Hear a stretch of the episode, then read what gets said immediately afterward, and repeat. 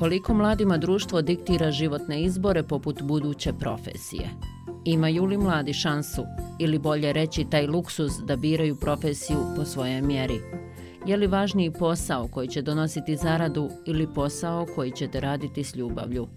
Koliko roditelji i okruženje imaju uticaja na izbor buduće profesije i koliko milijardu puta izrečena rečenica da od toga hljeba nema, bude presudna da se odustane od posla snova. O ovim važnim pitanjima govorimo u novom podcastu Glaso mladih, a sa vama je u narednih 30 minuta Aida Đugum.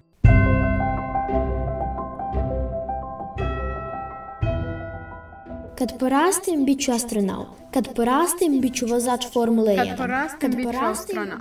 Kad porastem, bit ću vozač Formule 1. Kad porastem, brinut ću se o životinjama. Kad porastem, bit ću glumca. Kad porastem, bit ću operska diva. Kad porastem, bit ću putopisac. Kad porastem, bit ću putopisac. Kad porastem, bit ću... Šta su želje, a šta na kraju bude realnost?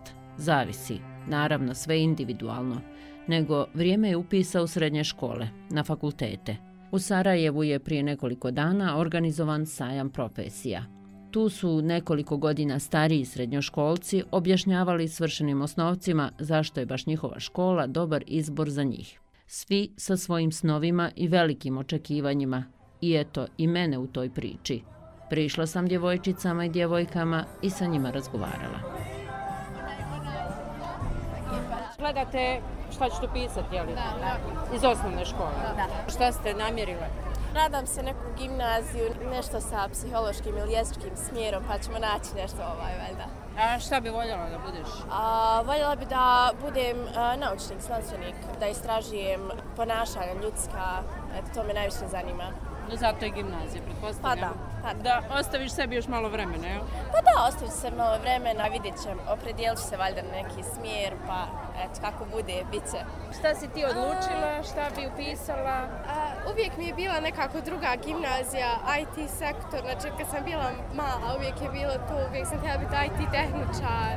I tako nekako, jer ide mi i matematika i fizika i informatika, išla sam na takmičenja. Pa nekako to mi je jedini logički izbor. Znači, druga gimnazija, IT smjer. Ja. ja. A da li bi se bavila nekim neobičnim zanimanjem? Da smijem, ali da smijem rodrote. A ti? Ja bi, zašto da ne? Šta bi bila, evo, balerina možda?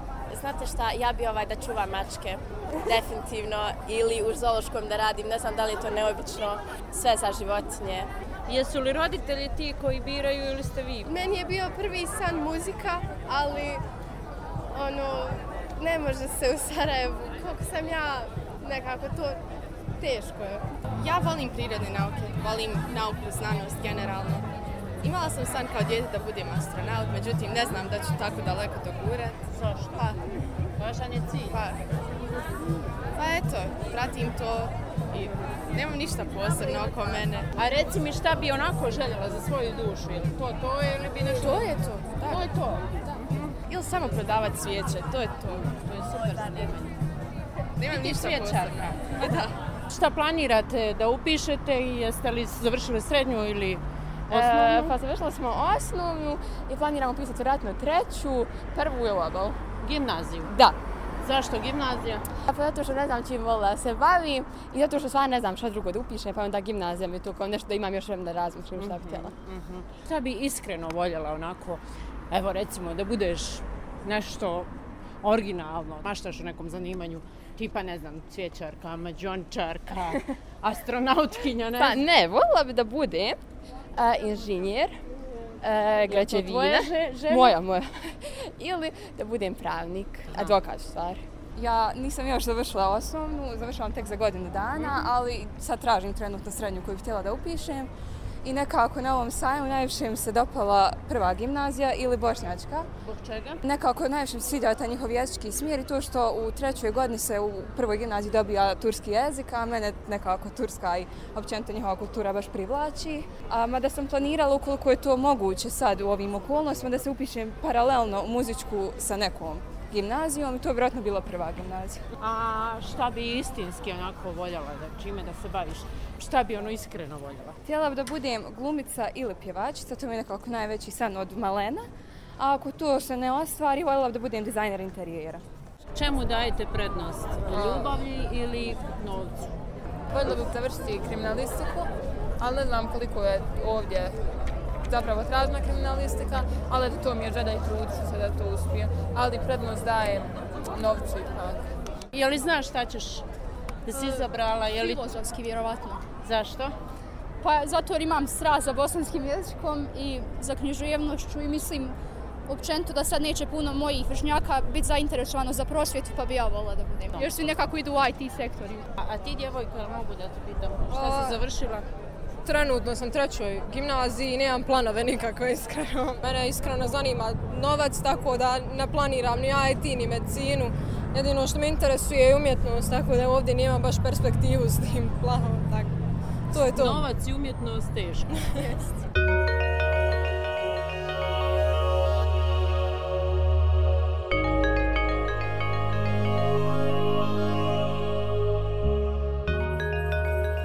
Divnoj djeci želim svu sreću šta god odabrale i čime god se budu bavile. Ali ću u podcastu gostiti jednog mladića. Zove se Leon, ima 27 godina i Zenice je. Njegova priča zanimljiva je jer je on mađioničar, a kako mi je rekao dok smo dogovarali gostovanje, to mu je zbog stanja u BiH poluprofesija. Ćao Leone, dobro nam došao u podcast Glasa mladih. Zdravo, bolje vas našao. E, odmah ću te pitati zašto je poluprofesija ovo čime se baviš, zašto ne možeš biti mađioničar, da se tako izrazim, u punom kapacitetu, šta te spriječava? Ne spriječava me niko, ne spriječavam ja sebe tu, spriječavaju me neke pravne stvari. Kada bi živio od ovoga, šta bi ja bio? kako bi ja plaćao sebi, kako bi uplaćivao neke stvari, zdravstveno, jel, dosta stvari koje ja radim, neka zahtijevaju fizičku spremnost. E, uvijek sam se pitao kako kod nas muzičari, kako kad ostare šta, jel, jel samo sakupe dovoljno para i onda žive od toga, jel, ili imaju neku, e, ne znam, ne, ne znam gdje ih svrstaju ove naše institucije. Kod nas je ono, previše fokusirano društvo na to da, da moramo biti doktori, inženjeri, advokati. Ali ti ćeš postati ja. inženjer. Jes, to je plan B. Kada vam ne uspije plan A, morate imati plan B. Tako, tako u svemu u životu. Tako Zašto da, baš građevina i biti međioničar, pa, biti inženjer građevine? A, roditelji su mene stalno govorili da budem međioničar, ali ja sam htio da budem građevinac.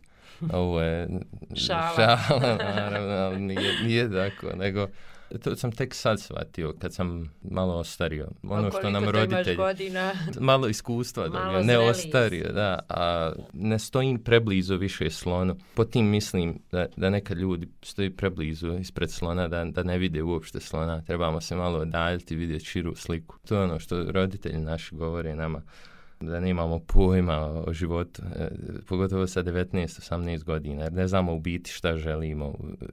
I taj period fakulteta, do, možda 30 godina u biti je e, uvijek bilo pronalazak sebe i šta smo mi u stvari u životu, šta želimo biti i tako te stvari. Ne treba se nikad ograničiti. E, Jamie Foxx, znate, glumac, njegov otac je njemu rekao kao igraj tenis, uči ovaj jezik. Nemoj se nikada ograničiti. Zato ako se ograničimo, bit ćemo samo jedno u životu. I sad ako situacija zahtijeva nešto drugo, neko drugo znanja, a mi ga nemamo, onda to je naša krivica. Prije nego što ću otkriti ovo, baviti se ovime, bio sam slikar. Znači sve stran si. Jest, uvijek me je zanimala ta valjda vizuelna umjetnost. Ovo sada isto što radim je isto vizuelna umjetnost. Ja smatram da jest, jer zahtijeva iste stvari koje što i slikarstvo zahtijeva i što zahtijeva i mnoge, mnoge umjetnosti.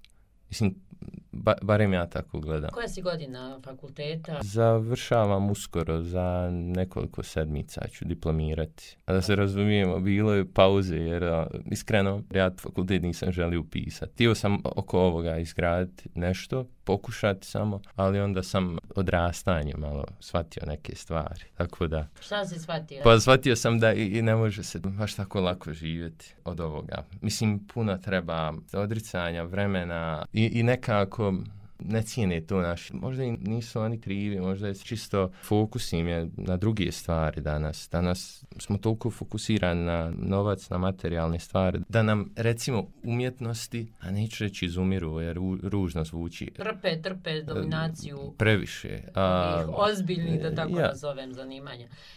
Eh, kako, zašto i kad si postao mađioničar i je li to tvoj dječački san? Ovo je počelo sve kada sam vidio staru, rećemo, obmana ili prevara. Kada imate tri karte i trebate pogoditi gdje se recimo nalazi dama, a ostale dvije su dva asa ili...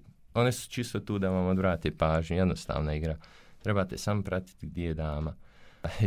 Kad sam vidio to, skroz me zbunjivalo. To je bilo toliko sporo, uopšte nije brzina ruke toliko je uticala na to, ali ja sam bio, ne znam o čemu je riječ. Onda sam molio tog čovjeka da, da mi pokaže, da me nauči. Onda kada, kada me je naučio, počeo sam istraživati, jer dosta stvari koje sam ja naučio, 95% je iz, iz knjiga. Knjige koje su napisane u, u svrhu Najstarija je 1902. Ne zna se ko je pisac. Bilo... Gdje si nabavljao literaturu? A, imao sam sreće više nego pamet, iskreno. Imao sam prijatelje neke koji su mi uspjeli to nabaviti. Prvenstveno te knjige nisu bile pisane za za ovo što ja radim. Nek smo mi samo uzeli principe te a i promijenili ih, izmijenili i napravili nešto novo. Da se samo vratim na ovu igru sa tri karte. Moj deda, on je meni stalno pričao priče, ali ja to nisam uopšte obraćao pažnju na to dok, ne znam, do prije nekoliko godina. On kad je bio mali, po, poslali su ga neke e, namirnice da kupi, ne, ne, nešto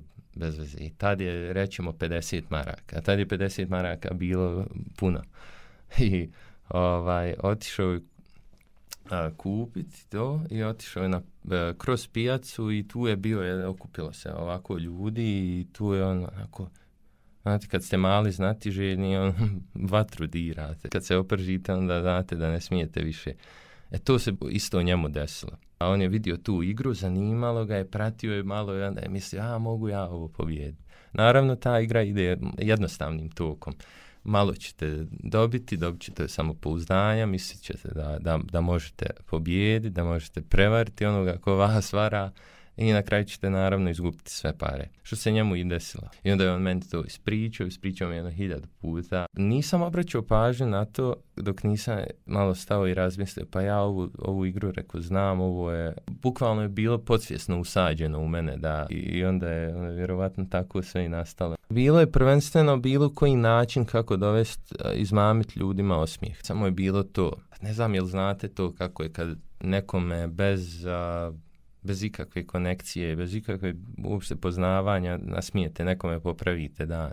To je divno. Ja, I to je ono što, što fali danas. Možda si čuo za Duška Radovića i njegovu čuvenu rečenicu koju ja rado citiram u svakoj skoro prilici. Da ti u životu moraš da budeš dva puta pametan. Prvi put kada biraš profesiju, a drugi put kada biraš životnog partnera. Ako fulaš i jedno i drugo, moraš da budeš pametan svaki dan. Pravo mislim u pravu. Htio sam još jednu stvar reći. Kad god spomenete ovo, raditi ono što volite, ili šta radite, Mislim, to se veže na filozofsku. Jedan filozof je rekao kao, šta ako novac ne postoji, uopšte ne postoji, šta bi radili? Onda su i njegovi studenti odgovarali kao bio bi slikar, jahao bi konje ili nešto tako. Većinom su ljudi odgovarali isto tako na stvari koje već danas rade jer ne mogu zamisliti život bez, bez, bez novca. I onda se postavlja ono pitanje da li je dobro živjeti kratko, sretno ili imati dug život i biti nesretan. Najbolje biti kao Alan Ford. Bolje biti bogat nego ne biti, jel tako? Bolje je biti bogat i zdrav nego siromašan i, i bolestan. tako je. E, ko te naučio, koliko sam shvatila iz ovoga što si rekao, samouk? Jest. Samo je jedna stvar bila koju me neko naučio. Naravno, ostale knjige su samo pomagale metodu, ali nije mi govorilo kako da se ponašam prema ljudima, tu sam ja morao sam otkriti. morao sam, to je bio jednostavan način, izašao sam svaki dan s kartama ili s nečim i onda sam išao od čovjeka do čovjeka. I radio sam kogod je želio da vidi, nekad sam bio otjeran, i ono, razumijem i njih, neko ima svoju žutu minutu, neko ne želi da gleda iz religioznih razloga, mada ovo je jedina stvar koja ne osuđuje ljude na osnovu njihove religije, boje kože, jezika, imena, apsolutno ništa. Kako bi bilo? Da si mađioničar i da živiš u nekoj razvijenoj zemlji? Vjerovatno bi imao svoj ili restoran, neki ili kafić u kojem bi imao redovne nastupe. I ovdje je moguće, ali iskreno ne vidim da se može živjeti od toga. Jer bi onda sigurno u mjesecu bi morao imati 60 nastupa, recimo. Koliko ti je potrebno koncentracije? Ili da li ti se uvijek da da se baviš tim? Mislim, nije mi mrsko, ali mislim, svaki ima svojih, Moment. ostavite me na. I onda uvijek shvatim, ne radim za sebe to, radim za ljude, jer, jer su mi ti ljudi bukvalno moji, moji šefovi. Neko bi rekao, a, jest, od osmijeha se ne može živjeti. Ako nekom izmamite danas osmijeh, barem jednom sedmično, svako na ovoj planeti kad tako to radio, bio bi ovo ljepši svijet za živjeti. Rijetko danas vidite ljude na ulici da se smiju bez razloga, samo zato što su sretni. E sad, gdje imaš svoje performanse i e, koliko često? Nisam se ograničio na tome da imam samo jedno mjesto gdje, gdje ću nastupati. Gdje god da odem, uvijek će neko biti, možete nam pokazati nešto. Ali bude nekad sušni period, jednostavno ljudi nisu,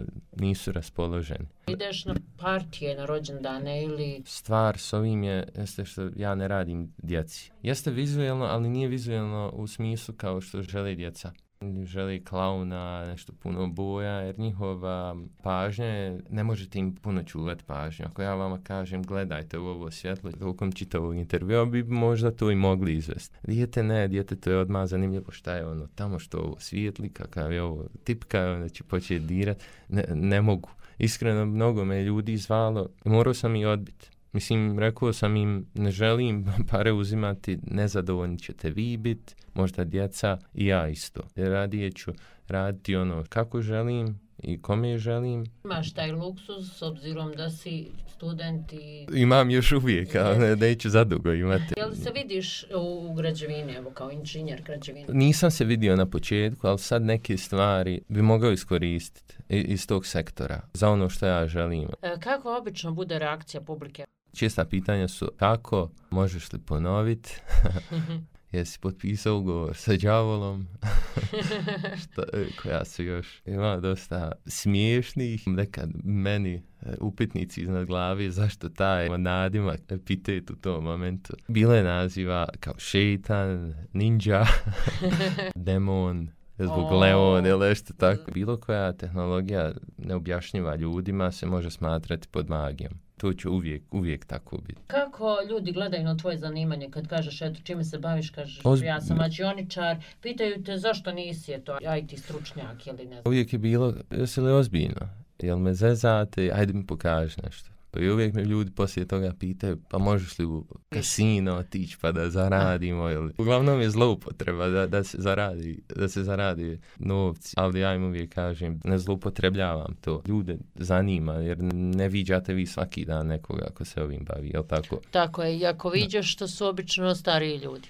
Imam stariji sa šeširom i želim to da promijenim, izgled mađončara kod nas ili iluzionisti ili kako god želite nazvati to.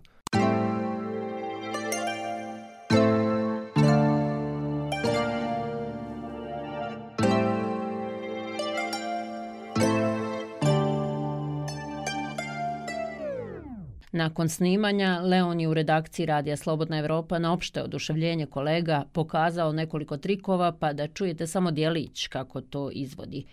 Video će biti na društvenim mrežama Radija Slobodna Evropa, pogledajte. Zabavit ćete se, obećavam. Koju vi želite? Jednu sam, jel? Tu. Ok, uzmite. E, ja neću a, koristi. I rekli ste ovu, jel tako? Koga želite da, da Lobin zaberi? Izmite ste rekli ovu ili. Dobro, ne, do mene. Vidite, da, ću ovako i recite stop.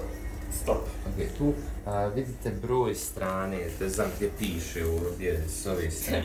O, ne piše, nažalost. Uh, ne piše. Uh, možete vidjeti koja je sljedeća i onda vidite na osnovu gdje okay. koja bi bila. Čekaj, čekaj, Aha, ovdje. Dobro, dobro, dobro, dobro, dobro. Aha, ovaj. okej, okej, okej. Ovo je znači za... Jel imate broj? Tako meni Imamo. Koje, lijeve ili desne strane? Imamo broj. 47 je. Bio prije, pa sljedeći 48. Pa ja, 47, 8, jes, jes. 48 je. Jeste si... Da, na lijevoj strani. Dajte sad šta ćete, otvorit ćete tu knjigu na 40... Osam.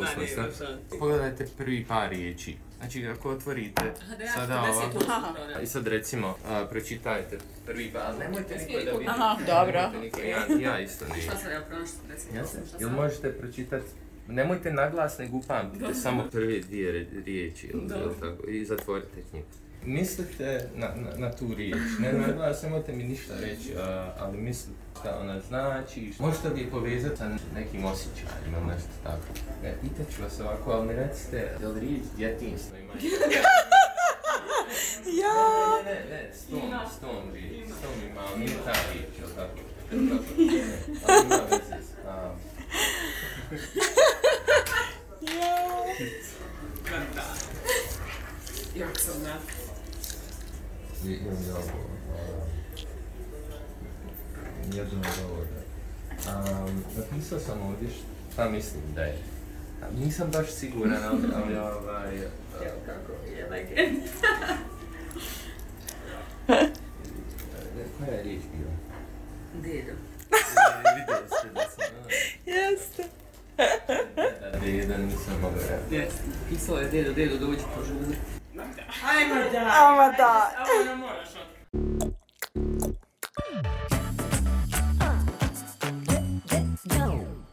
Šta ti je sane? Da budeš u velikoj sali, da kao što je na zapadu, ili da budeš Ne. poznat, ili da ne budeš poznat, ili... Nemam želju ja da, da budem u nekoj velikoj sali. Meni je sala kada izađem iz kuće. Zato što sam pola metra od vas. Jer da, kad vi vidite nekoga na pozornici, uvijek pomislite kao sigurno ima neka vrata ili nešto ispod čega prođe, pa nesne, ili nešto tako. Ili, je sve, ili su neka, nekako gledala, ili nešto tako. Do, dosta ta. Ali ovako ne. Da li možeš zaraditi za džeparca sad? Mogu. Nije mi to nikada problem bio. Evo jedna priča, bio sam u Sarajevu i sad a, bili smo na bilijar turniru, ja i moj prijatelj. Igrao je tu, bilo je ljudi. E, bilo je dosta ljudi iz Srbije, iz Hrvatske, sa čitavog Balkana. Ako se ne varam, Balkan Tour se zvao. Ja sam tu došao kao samo posmatrač, ništa više. Svi su tu znali, jer e, oni su isto dolazili u moj grad i onda su, kako od mene vide, ja im pokažem nešto. I bilo je tu vremenski interval, ne znam, 15 minuta gdje su se ljudi okupili i bi neko me samo zamolio mogu li pokazati. Ja sam počeo pokazivati nešto i okrenuo sam se u jednom momentu oko mene je bilo sigurno 30 ljudi. Svi su htjeli da vide, sve, sve je to zanimljivo, svi su jedan preko drugog ako iš. I ovaj, u jednom momentu sam rekao, ne znam, trebalo mi je novčanica, samo da pokažem nešto sa novčanicom. I zamolio sam nekoga ko ima i oni su počeli stavljati tu novčanice i pokazao sam ja trik, završilo se sve. Govorim ljudi, izvinite, ko je ostavio pare, neka pokupi. Ne, ne, kao to je za tebe. Šta misliš, šta će prevagnut? Mislim, pri kraju si fakulteta. Jedini način, jedina platforma gdje bi se ja mogao ispaliti pod navodnicima da me vi vidite je super talent. Mislim, to svi gledaju. I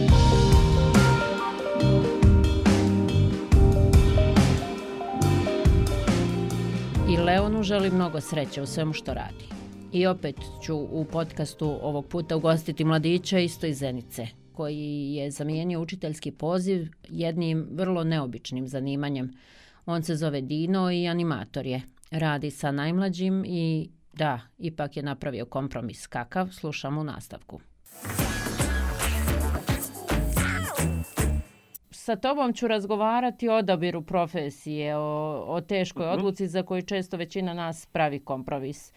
Pa kakav si ti kompromis napravio i zašto? Kada sam u srednjoj školi, bio sam član dječje omladinske i lutkarske scene u Bosanskom narodnom pozorištu Zen. Znači, od nekih 5-6 godina sam aktivni bio član, preko 40 predstava na dječjoj sceni sam odigrao i onda je bio logičan slijed da pokušam da upišem Akademiju scenske umjetnosti. Nažalost, nisam uspio, ali e, to me nije me odvlačilo od tog poziva, hajmo reći umjetničkog glumačkog poziva. Ja sam i dalje volontirao u pozorištu i za vrijeme srednje škole radio sam na nekim festivalima. Možda nisam toliko glumio, ali sam i dalje bavio se time. Nakon toga sam želio sam da nešto studiram, nisam želio da dan gubim. Ja sam shvatio da ipak s fakultetom je i lakše znači postao i jednostavno se zaposlio. Pokušao sam još jedan put akademiju pisati u Tuzli, nažalost nisam uspio i onda sam se odlučio za razrednu nastavu. Znači da budem e, nastavnik u, u osnovnoj školi,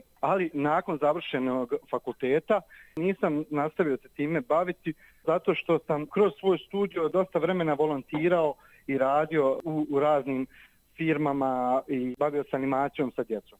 Ja sam uvidio da je to posao koji meni leži i kojim bi se volio baviti u budućnosti. Zato što sam spojio jednostavno taj glumački dio i prosjetni dio, znači edukatorski dio u jednu branšu, znači gdje ja kroz zabave za djecu i učim, a jednostavno ih i zabavljam svojim nekim glumačkim talentom koji imam. Dakle, ti si našao neki kompromis i živiš svoj san, je li tako? Pa da, može se reći, jer mi je posljednjih, evo, hajmo reći, deset godina koliko sam aktivan u ovom poslu, kroz razne aktivnosti, uvidio da je to moja ljubav i jednostavno ne bi se sad mogao pronaći u nekom drugom poslu da budem neki komercijalista ili da radim u nekom, na nekom šalteru. Da ne budeš neki, da tako kažem, ozbiljan uposlenik.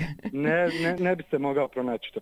Jako je bitno to da ljubav u radu sa djecom, jako je tu bilo bitno i podrška moji naravno roditelja koji su, iako su mislili ja bi trebao da, da budem učitelj, da se bavim tom profesijom, uvidjeli su da jednostavno da se pronalazim tu i da ovdje bi mogao razviti nešto potpuno drugačije, ne mogu reći novo u našoj sredini, ali nešto čega bi mogao imati korist. Kako tačno izgleda animacija te zabave za najmlađe i koji je to prosjek godina? Moj dio posla se najviše odnosi znači, za uzrast od 3 pa do nekih 10 godina. Mada gledam kroz razne rođendane koje radim, meni nije zaista problem spustiti na nivo od djeteta od 3 godine, a i porasti na nivo, najmo reći, tineđera od 11-12 godina, pa s njima pokušati raditi stvari koje oni vole. Jako je bitno da da je se prilagodimo uzrastu djece s kojim radimo. Na tim, hajmo reći, rođendanskim zabavama e, uvijek je različit uzrast djece i onda se treba prilagoditi gdje treba staviti male kocke za malu djecu da oni mogu to slagati, za starije stavljati neke zagonetke, zadatke detektivske da rade ili neke društvene igre da igraju, a naravno sve je to popraćeno plesnom zabavom popularnih dječjih hitova koje su, hajmo reći, hoki poki, Baby Shark, kad si sretan, gdje djeca gledaju kako ja plešem i oni ponavljaju plesne korake sam. Može li se živjeti od tog tvog zanimanja? Ja mislim da se može živjeti od svakog zanimanja ako se dovoljno radi. Ja zaista sam naučio od mali nogu da treba biti borben, raditi, jednostavno ne odbijati nikakav posao.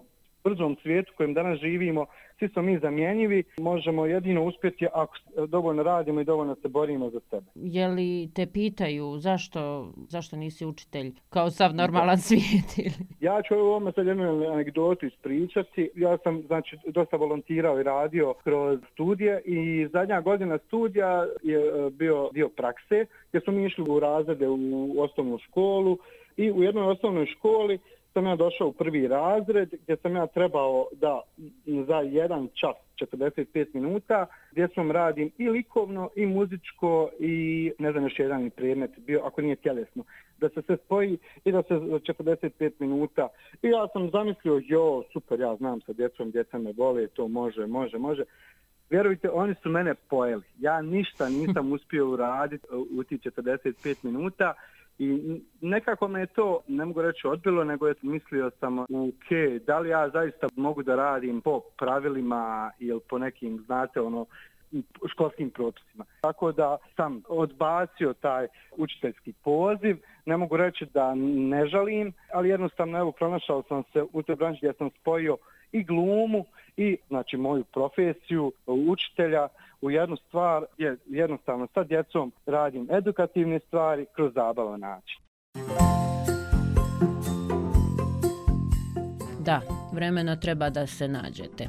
Taj put je samo odabrani lak. Većina ga treba tražiti ili ono pronađe tebe, kao što je, na primjer, mene novinarstvo. I nisam se pokajala. Slušali ste još jedan podcast Glasom mladih. Da podsjetim, prethodne epizode našeg podcasta možete pronaći na sajtu ili na podcast aplikacijama i druge sadržaje također možete pronaći na sajtu slobodnaevropa.org, na društvenim mrežama, Facebooku, Twitteru, Instagramu i YouTubeu. Sve znate. Pozdravljam vas do slušanja.